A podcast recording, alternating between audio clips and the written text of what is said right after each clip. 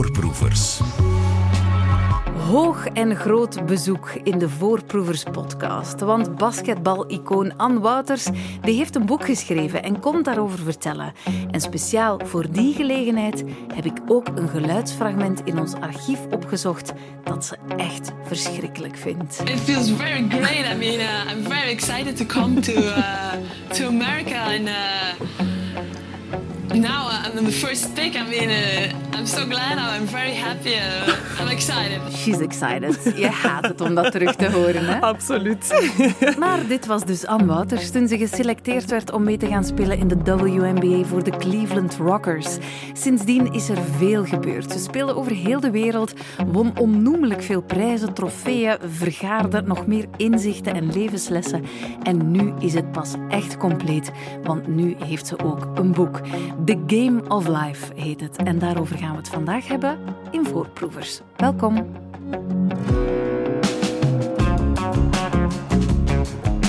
Voorproevers.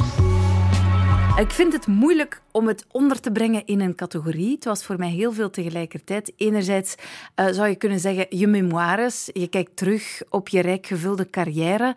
Maar anderzijds uh, heb je het ook over alle dingen die je leerde. Ja, dat was de moeilijkheid. Ik wou niet zo eigenlijk een klassieke autobiografie, omdat ik wou, ik wou het zeker niet een opsomming maken van wat ik heb meegemaakt, welke landen heb ik gespeeld. Maar ik wou eigenlijk er iets meer aan geven, iets meer body aan, aan dat boek. En, en toch wel vooral de dingen die mij nu bijblijven, de dingen die ik heb geleerd ergens along the way. En um, dat was ook niet zo simpel om daar dan een mooie en goede structuur in te krijgen. Maar ik hoop dat mij dat wel gelukt is. En um, ik heb dat ook niet alleen gedaan. Ik heb daar iemand, ik heb een ghostwriter gebruikt, die ik heel, um, ja, daar heb ik daar hele goede gesprekken mee gehad. En ik ik denk dat hij dat ook op een mooie manier heeft beschreven. Want ja, dat is een verhaal dat in mijn hoofd zit natuurlijk. Ik heb dat meegemaakt, maar dan moet je dat inderdaad ineens op papier krijgen. En dat is toch wel een heel proces. Ja, dat is iets anders dan drie punten scoren. Hè? inderdaad. het is dus geen chronologische opsomming geworden van heel jouw basketbalparcours, maar het begint wel gewoon in het begin bij een meisje uit Sint-Gilles-Waas, bij Sint-Niklaas. Hoe zou je jezelf omschrijven als jonge Ann Wouters? Als jonge Ann Wouters. Ik was natuurlijk um, ja, een meisje, een witte kop, die veel te groot was. Mijn schouders hingen al wat naar voren. Dat staat al op mijn eerste uh, rapportjes. rechte schouders houden, omdat ik gewoon eigenlijk altijd een beetje kleiner wou zijn. En ik denk van thuis uit hebben we dat wel wat meegekregen van doe maar gewoon. En niet zozeer van, ja, zij vier dat je anders bent of zo. Dat is maar, zijn maar zoals iedereen. En dat hebben we wel wat meegekregen. Ik denk mij zo ook trouwens. Daarom was dat ook niet altijd evident voor mij om als uh, meisje, ook wel verlegen, introvert, om zo groot te zijn. En dan, toen ik ben beginnen basketten, ja. dan is er gewoon een hele nieuwe wereld voor mij letterlijk opengegaan, waarin dat ik me heel snel super thuis voelde. Omdat ik voelde van, oké, okay, hier zijn nog andere grote mensen, maar ook vooral omdat als, als introvert verlegen meisje vond ik dat fantastisch eigenlijk om in een ploeg te zijn omdat ik daar, ik moest daar niet een tafelspringer zijn, absoluut niet. Maar ik vond dat wel heel plezant om daar die connectie te hebben met andere mensen, met andere speelsters. En om samen, ja, voor een doel te strijden en dat samen winnen en samen beter worden. En dat trok mij in het begin het meeste aan, denk ik, in basketbal. En dan bleek ook nog eens dat je niet gewoon goed was, maar wel echt heel uitzonderlijk goed. We hoorden daar net al een klein stukje uit je draft. Uh, zo heet dat in het vakjargon. Voor mensen die dat niet volledig snappen, een draft, wat is dat? Dat is een systeem in Amerika waar je als sporter eigenlijk zelf niet mag kiezen naar welk team dat je gaat, maar daar moet je gekozen worden, dus gedraft worden. En dat hangt vast aan heel hun uh, sportcultuur, die heel hard rond die verschillende universiteiten of colleges hangt. En vandaar uit die grote soort zwemvijver van allerlei atleten worden dan word je dan gekozen in de professionele uh, competities. Ja, niet alleen Amerikaanse atletes, maar dus ook af en toe uh, speelsters vanuit heel de wereld. Dat klopt. Um, het spijt me heel erg. Ik weet dat je het hatelijk vindt om jezelf terug te horen, maar we gaan het nog eens Nee, nog eens dit is erover, Linda. Een langer fragment, want die draft bij jou was wel heel bijzonder. Jij was de allereerste namelijk die dat jaar gedraft werd. Ja, dat klopt. Dat was eigenlijk totaal niet verwacht. En zoals je het al daarnet gehoord hebt, um, was ik daar ook helemaal totaal niet op voorbereid. En ik geef dat toe dat ik echt letterlijk al heel blij was met een t-shirt dat ik dan kreeg met WNBA daarop. Dus ik had echt nog totaal niet door wat dat ging betekenen voor mij. En voor mijn ja, verdere carrière. Je moet het je dus voorstellen. Dat kleine, blonde Anneke Wouters. Blond kareetje, wit t-shirt met daarop WNBA. Klein is wel tussen aanhalingstekens, Linda. Maar kom, jong. jong in ieder geval. en dan gebeurt dit. With the first pick of the 2000 WNBA draft, the Cleveland Rockers select Ann Waters from Belgium. The Washington Mystics select next. So the Washington Mystics on the clock, and we are actually joined by Ann Waters. And this obviously is a statement that they are looking long term and not hmm. just this season. And congratulations on being the first choice. The obvious question is how do you feel being the number one choice of the WNBA draft?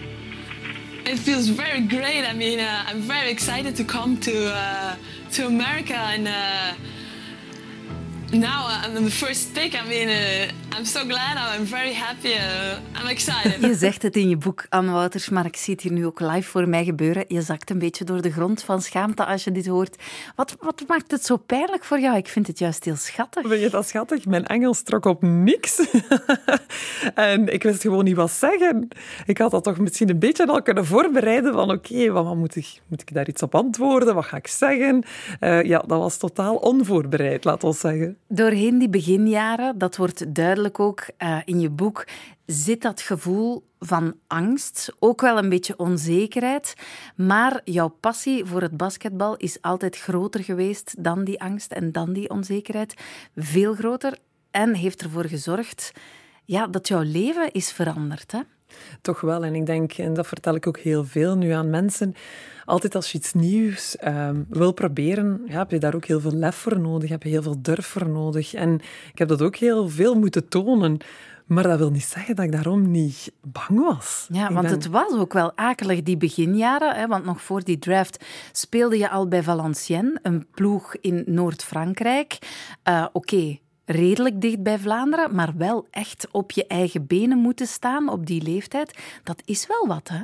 Ja, ik vergelijk Valenciennes heel dikwijls met een beetje mijn studententijd, want ik heb daar echt wel heel veel geleerd. Niet ik dacht alleen... dat je ging zeggen, want ik ben er echt wel heel veel op café geweest.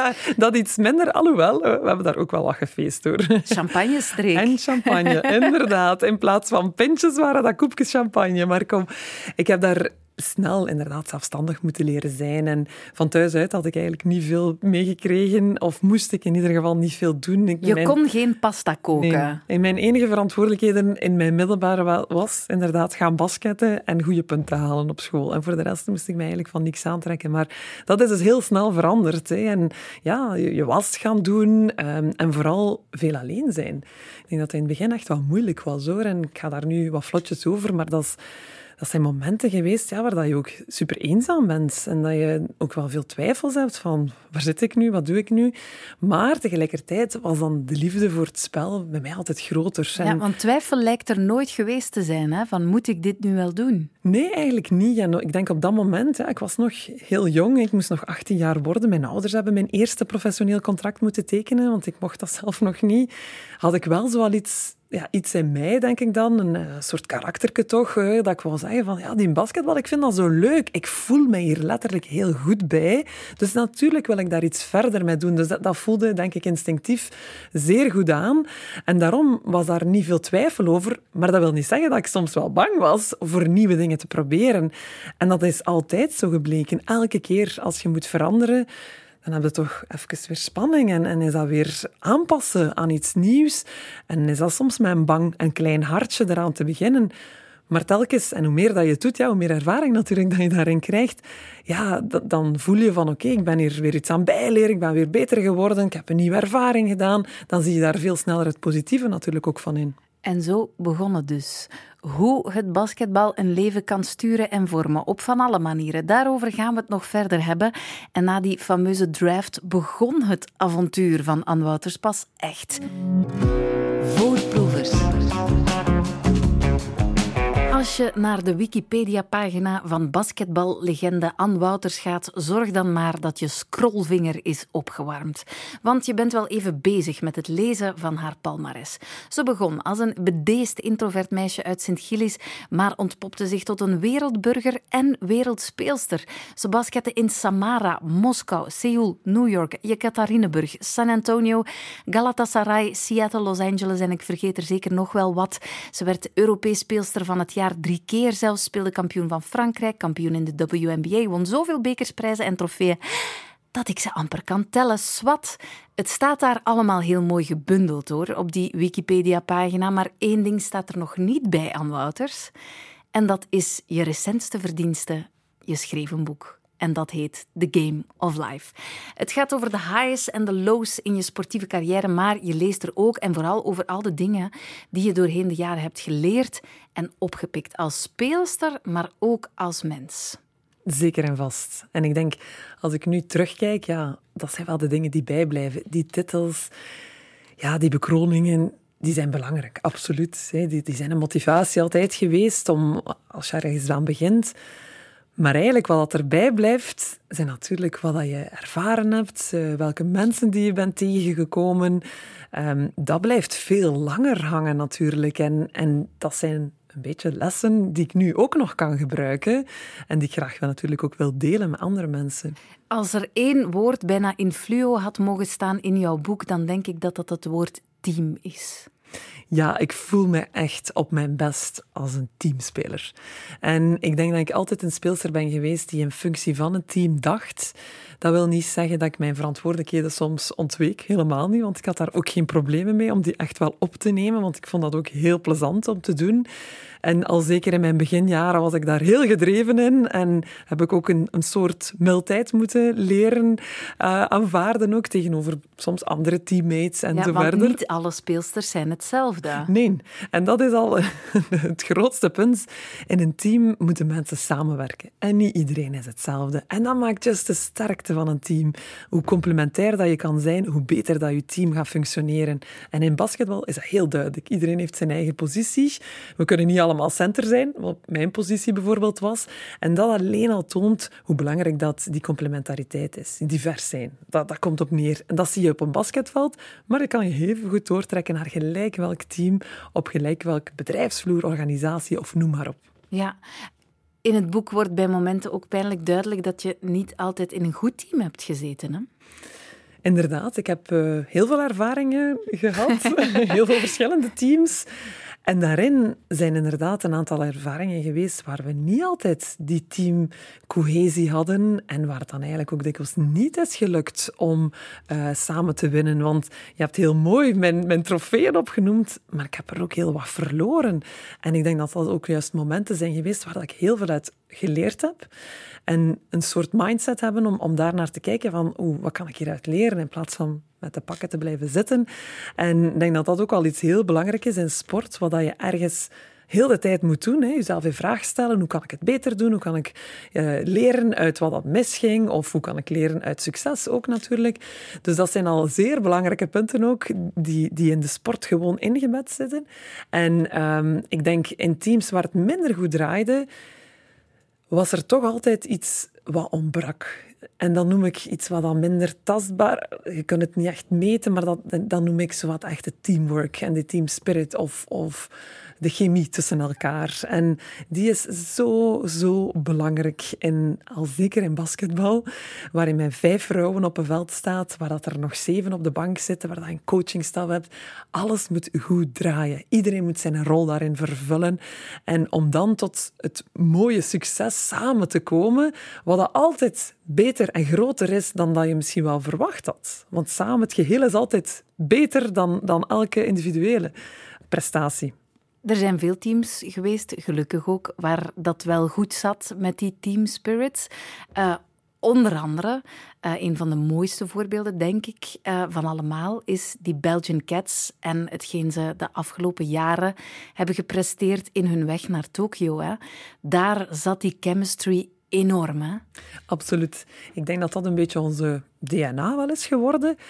Want wij wisten heel goed, hè, als team hadden we talent. Want zonder talent ja, je er ook niet. Hadden we werkethiek? Absoluut, is nodig in topsport. Anders geraak je er ook niet. Maar we hadden nog dat speciale. En dat is net die teamchemistry, wat ik een beetje omschrijf als die energie, die positieve energie. Elkaar altijd willen aanmoedigen. Uh, er ook zijn voor elkaar in moeilijke momenten, niet alleen als het allemaal goed gaat. Maar dat is zoiets aanstekelijk dan, enthousiasme. En ik denk als er toch wel wat mensen ons gevolgd hebben, die voelen dat. Dat is iets wat je overbrengt. En die positieve energie, dat is ook wel iets waar dat we werken. Dat komt ook niet zomaar vanzelf. Dat is ook elkaar daarop aanspreken om ja, als het eens een mindere dag is, zeggen van kom aan, hup, we gaan er weer voor en we rechten ons schouders en, en we hebben er weer ook, zin in. En je dat ook laten zeggen, hè? Absoluut. En daarvoor heb je binnen je team ook natuurlijk weer dat vertrouwen nodig. Ja. Heb je uh, moet je elkaar goed kennen natuurlijk. Juist elkaar ook respecteren, dat, dat iedereen wel wat anders is. Dat we allemaal onze persoonlijkheden hebben en, en dat die wel uh, eens kunnen verschillen en wat dan nodig is in een team. Hè. Je hebt er een paar luiden nodig en je hebt er ook een paar andere die misschien wat stiller zijn nodig, die anders reageren in verschillende situaties. Dat ten eerste al aanvaarden binnen een team is al een punt. Maar dan, als er dan genoeg vertrouwen is binnen dat team, ja, dan kan je elkaar wel aanspreken op soms moeilijkere dingen.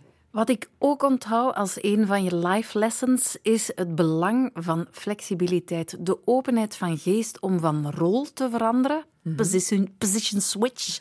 um, dat is ook iets wat jij zelf aan de lijve hebt ondervonden. Hè? Absoluut. Hè. Die flexibiliteit heb ik getoond op, op verschillende manieren. Hè. Door in veel verschillende teams te spelen, op, in verschillende landen, andere continenten, andere culturen en zo verder. Maar ook in mijn verschillende rollen die ik heb gehad binnen een team. En daar ben ik eigenlijk nu super dankbaar voor, omdat ik nu een veel breder perspectief heb van alle verschillende rollen die er wel kunnen zijn binnen een team.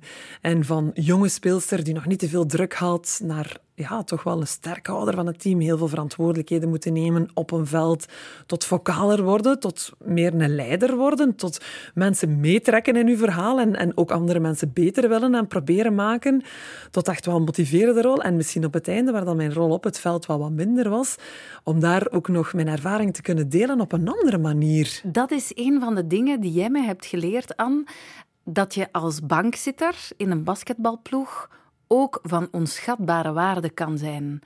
Dat heb jij getoond, dat werd ook bevestigd door veel van jouw ploeggenoten. Ik geloof daar ook echt in dat iedereen echt een hele belangrijke rol heeft. En dan spreek ik graag over dat shared leadership. Dat is niet alleen maar omdat Emma Meesman onze beste speelster is, dat alle druk bij haar terechtkomt. Nee, zij moet al heel veel doen op het veld voor ons, maar iedereen heeft zijn rol daarin te spelen. En dat zat net juist heel goed binnen de Belgian Cats. En wat doe jij dan? Wat kan jij dan betekenen voor zo'n ploeg van op de bank, concreet? Heel concreet, um, dat heb ik eigenlijk geleerd um, toen ik in mijn laatste WNBA-seizoen in LA speelde. Zijn we daar kampioen geworden. En dat was de allereerste keer dat mijn rol op het veld ook veel minder was. En daar heb ik die flexibiliteit wel degelijk getoond, want in het begin vond ik dat absoluut niet plezant. En wou ik ook gewoon meer spelen en, en zoals ik altijd gewoon was. Maar oké, er waren een aantal andere speelsters voor mij. En daar heb ik echt wel zo'n mindset gehad van oké, dit is misschien mijn laatste kans dat we hier ook kampioen kunnen worden. Ik ga er alles aan doen om het team te helpen. Hoe kan ik mijn team helpen? op mijn manier. Ik kan ervoor zorgen dat ik ze ga aanmoedigen, maar echt super positief. Dat ik ze ook ga kunnen, hopelijk kunnen helpen als ik iets zie, dat ik hen direct advies kan geven van hey, die verdedigt zo, misschien kan je dat doen. Um, ik ga ervoor zorgen dat ik op training maar er 110% sta, want ik ga het hen heel moeilijk maken. Ik ga het hen nog moeilijker maken dan misschien op een wedstrijd. Ik ga ervoor maken dat ik positief ben. Dat, dat, dat we erin geloven, dat wij, ja, wij kunnen kampioen worden. We gaan ervoor. En dat, dat is inderdaad een andere mindset geweest, omdat mijn rol inderdaad op dat veld anders was. En die mindset heb ik dan ook in het allerlaatste deeltje van mijn carrière ook bij de Belgian Cats getoond. Ja, het werd ook door je collega Belgian Cats ja, enorm gewaardeerd. We luisteren even naar Marjorie Carpriot. Marjo noemen we haar ook gewoon. Ex-Belgian Cat, die het volgende over jou zegt in de Sporza-documentaire Final Stop Tokyo. Elle apportait de l'expérience, elle savait parler, Elle savait même pendant un match dire un petit truc qui pouvait changer la donne du match et qui pouvait nous faire gagner. Elle était, elle était monstrueuse. Wat ze zegt is, het is soms met een paar woorden dat ze een echte klik kan teweegbrengen in een ploeg. Dat is een fenomenaal compliment, denk ik. Ja, dat is heel mooi gezegd, zelfs van Marjo. ik zal haar straks eens bellen.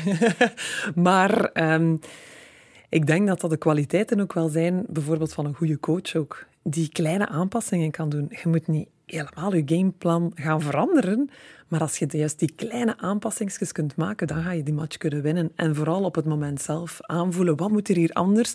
En dat is net die flexibiliteit weer. Kunnen aanvoelen, wat gaat er goed? Oké, dan blijven verder doen. Hm, dit kan beter, dat gaan we aanpassen.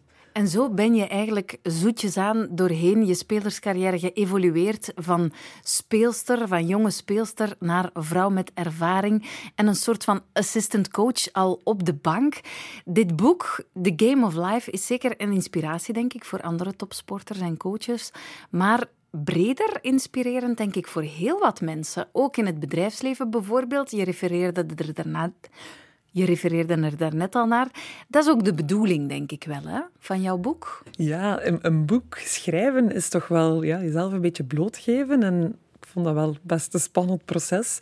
En op een manier ja, doe je dat ook wel om andere mensen uh, te inspireren, te motiveren, je verhaal te delen. En dat is best wel spannend, maar dat is wel ook wel mijn bedoeling geweest om niet enkel de sporters, waar dat ik denk, hoop dat ze daar ook wel iets aan hebben. Maar ik denk gewoon iedereen. Want dat wil ik eigenlijk ook altijd duidelijk maken. Ja, ik ben iemand, ben een vrouw van een meter 95. Zo zijn er inderdaad niet zo heel veel. Dat, dat, dat snap ik. Dat heb ik van nature meegekregen. Dat ik een talent heb voor basket, ja. Maar daarnaast heb ik er ook gewoon heel hard voor gewerkt. Heb ik dat met heel veel plezier gedaan. Had ik zoveel passie voor het spel.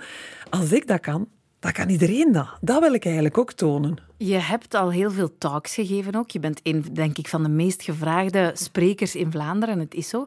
Um, wat merk je als je daar dan staat, vaak uitleggevend aan bedrijven, pratend met mensen die in bedrijven werken? Wat kunnen zij leren uit die sportwereld die jij zo goed kent? Er zijn superveel parallellen met de bedrijfswereld, omdat eigenlijk de, de, de basis, de kern van de zaak is, mensen moeten met mensen werken. En op een sport of op een basketbalveld wordt dat gewoon een beetje uitvergroot. En is dat heel duidelijk, is dat heel concreet. Maar al die voorbeeldjes, die worden in, op elke werkvloer is dat zo. Als er geen vertrouwen is in je team, zeg maar zeker dat dat niet het beste team uh, gaat zijn, dat die niet de beste prestaties gaan neerzetten. Als je elkaar moeilijk feedback kan geven, hmm, dan, gaat dan ga je niet tot de beste resultaten gaan halen. Als er niet een positieve vibe hangt, dan ga je met tegenzin naar, naar je werk gaan. En, en zo zijn er die betrokkenheid binnen een team, die verschillende rollen waar ik daarnet over praatte. Uh, en ook die ja, misschien een beetje die, die mindset hebben van ja, ik wil dat hier wel doen met, met een, zekere purpose in mijn werk. Ik wil dat graag doen. Ik wil daar uh, in uitblinken. Ik wil dat mijn team dat goed doet. Dat zijn allemaal gelijkenissen. En um, daar kan ik gewoon hele concrete voorbeelden dan van geven uit de sportwereld. En dan maken mensen heel dikwijls de reflectie. Ah ja, eigenlijk bij ons is dat ook zo. Ah, maar dat is misschien iets wat wij ook kunnen gebruiken binnen ons team. En dat is natuurlijk heel leuk om dat te horen. Voorproevers. Radio 1. Ik zou iedereen die er ooit de mogelijkheid toe heeft aanraden, ga eens een avondje op de lappen met basketbalheldin Ann Wouters. Want die heeft zoveel goede verhalen te vertellen over al haar avonturen over heel de wereld. Zoals die keer, Ann, toen je een lapdance kreeg voor je verjaardag in een Russische club goed verhaal. En toen je in Zuid-Korea woonde, in dat soort van gekke internaatskamertje, ook speciaal. En zo zijn er nog wel wat verhalen. Dus op café gaan met Anne Wouters is altijd een optie, maar je kan ook gewoon haar boek lezen. Daar staat het ook allemaal in. The Game of Life heet het. Een boek over basketbal, maar ook over zoveel meer. En daar hebben we het over in deze voorproevers vanavond met de schrijfster zelf, Anne Wouters. Ja, er kwam natuurlijk ook wel een ghostwriter aan te pas. Hoe heet die? Thijs Delru. Thijs Delru, dat heb jij heel erg goed gedaan. Ik hoop dat hij luistert, zodat hij het kan horen. Maar hij had echt jouw toon te pakken aan. Ik ken jou nu een beetje. En ik hoorde jou ook echt vertellen terwijl ik het las. Ik vond dat ook. Het is de eerste keer als ik die teksten begon na te lezen was dat heel confronterend. En dacht ik, oh my god, ik ben het echt. Ik, dit zijn mijn woorden. Dus hij heeft dat echt wel heel fantastisch gedaan. En dat is een talent dat hij ongelooflijk heeft. Dus ik ben hem daar heel dankbaar voor. Goed gedaan, Thijs. Het viel mij vooral op in de stukken waarin je vertelt over je entourage, je familie, je vrienden, maar vooral je, je kerngezin. Um, Ik vind het boek, naast alle andere dingen waar we het al over hadden, vind ik het ook toch een soort ode aan je vrouw Lot. Ehm, ja, zij is echt zo belangrijk geweest voor jou de afgelopen jaren. Ongelooflijk lang. We hebben een, eh, een heel parcours al samen afgelegd. En ik denk toen we samen daar vertrokken naar Zuid-Korea, was eigenlijk echt wel de eerste keer dat ze meeging met mij. Ik denk Jullie kenden elkaar nog maar net toen, hè? Ja, we kennen elkaar een half jaar. Ik had haar eerst meegenomen naar de Malediven in die tijd toch wel eh, redelijk uh, fancy. Ja, fancy. en dan daarna zijn we naar Zuid-Korea vertrokken. Een klein beetje anders, maar kom. Um, ik denk dat zij ook niet wist. Hè. Al wel voor een uh, rollercoaster zij is begonnen. Maar um, het is zo fantastisch dat we dat samen hebben kunnen beleven. Heel dat, al die verschillende ervaringen. En zij is echt wel mijn rots geweest. Want zonder haar ben ik ervan overtuigd dat ik waarschijnlijk niet de helft zou gedaan hebben. Omdat zij het ook altijd um, gemakkelijker maakte voor mij. Het was altijd leuk voor mij. Ze, ze maakte het huiselijk. Zij was heel dikwijls de, de verbinding ook tussen tussen ik en mijn andere teammates. Ze maakte heel graag, ze kookte graag, we maakten daar gezellige avonden van. Zo'n beetje dat huiselijke, die huiselijke sfeer, dat toch heel wat teammates van mij, die ook altijd in verschillende landen moesten spelen, die ook altijd heimwee hadden, die ook altijd hun thuis misten, probeerden wij zo wat op te vullen. Toch een soort van familietje dat daar uh, tot stand kwam. Ik las in jouw boek als koppel durf ik te zeggen dat wij vaak een inspiratie waren voor veel ploegmaats. Hoe bedoel je dat? Ja, dus wij zijn al heel lang samen, hè, al bijna twintig jaar. En ik denk dat ik ook een ongelooflijke evolutie heb gezien. Hè, van ook twee vrouwen die samen zijn. Um, ik ga niet ontkennen dat er twintig jaar geleden geen vrouwen waren die met vrouwen samen waren. Maar dat werd nog veel minder besproken. En ook in die basketbalwereld niet. Ja, dat was er wel, maar dat was toch een beetje geheimhouding en zeker zo. Zeker als je in landen speelt als bijvoorbeeld Turkije. Ja, daar werd heel duidelijk daar werd daar gewoon niet over gepraat, terwijl iedereen het wel ongeveer wist. Ja, dat, jullie een koppel waren. Ja, binnen het team werd daar wel open over gepraat. Maar niet zozeer met de buitenwereld. Dus mijn teammates, daar kon ik altijd heel open um, tegen zijn. En zij hadden eigenlijk ook altijd heel veel vragen voor ons. En dat denk ik wil ik ook een beetje aanduiden met die quote van... Ik denk dat we ook gewoon getoond hebben wat voor een doodgewoon koppel dat wij maar zijn. En dat dat ook mogelijk is. En voor veel teammates die soms ook wel eens uh, vragen hadden over hun eigen geaardheid, was dat misschien wel ergens van, ah, dit, is ook mogelijk. En dan besef ik natuurlijk dat in, in sommige landen, sommige culturen echt nog veel moeilijker is hè, om daar echt open vooruit te komen. En ik denk dat wij dan altijd een beetje ja, dat voorbeeld konden geven van het is mogelijk, het is oké. De kindjes, die kwamen er op een bepaald moment natuurlijk ook bij. Twee daarvan zelfs quasi tegelijkertijd. Ik weet niet of uh, mensen die luisteren zich dat nog kunnen herinneren, maar Anne Wouters en haar vrouw Lot, die waren ongeveer gelijktijdig, niet ongeveer gelijktijdig, gelijktijdig. waren gelijktijdig zwanger. Uh, zijn ook uh, met drie weken tussen bevallen een intense periode. Absoluut, maar ook een ongelooflijk toffe periode. Omdat voor mij is dat, um, zie ik dat als een, een beetje een pauze, dat ik op de pauzeknop heb geduwd. Een um, risico toch wel, hè, voor een topsportster. Ja, en tegelijkertijd had ik ook al voorbeelden. Ik had echt wel voorbeelden uit mijn directe omgeving, basketbalspeelsters die waren teruggekomen, maar eigenlijk ook um, Kim Kleisters, Tia Hellebout hier in België, hadden mij het al vooraf gedaan. En ik dacht, ah, als zij dat kunnen, ga ik dat ook wel kunnen.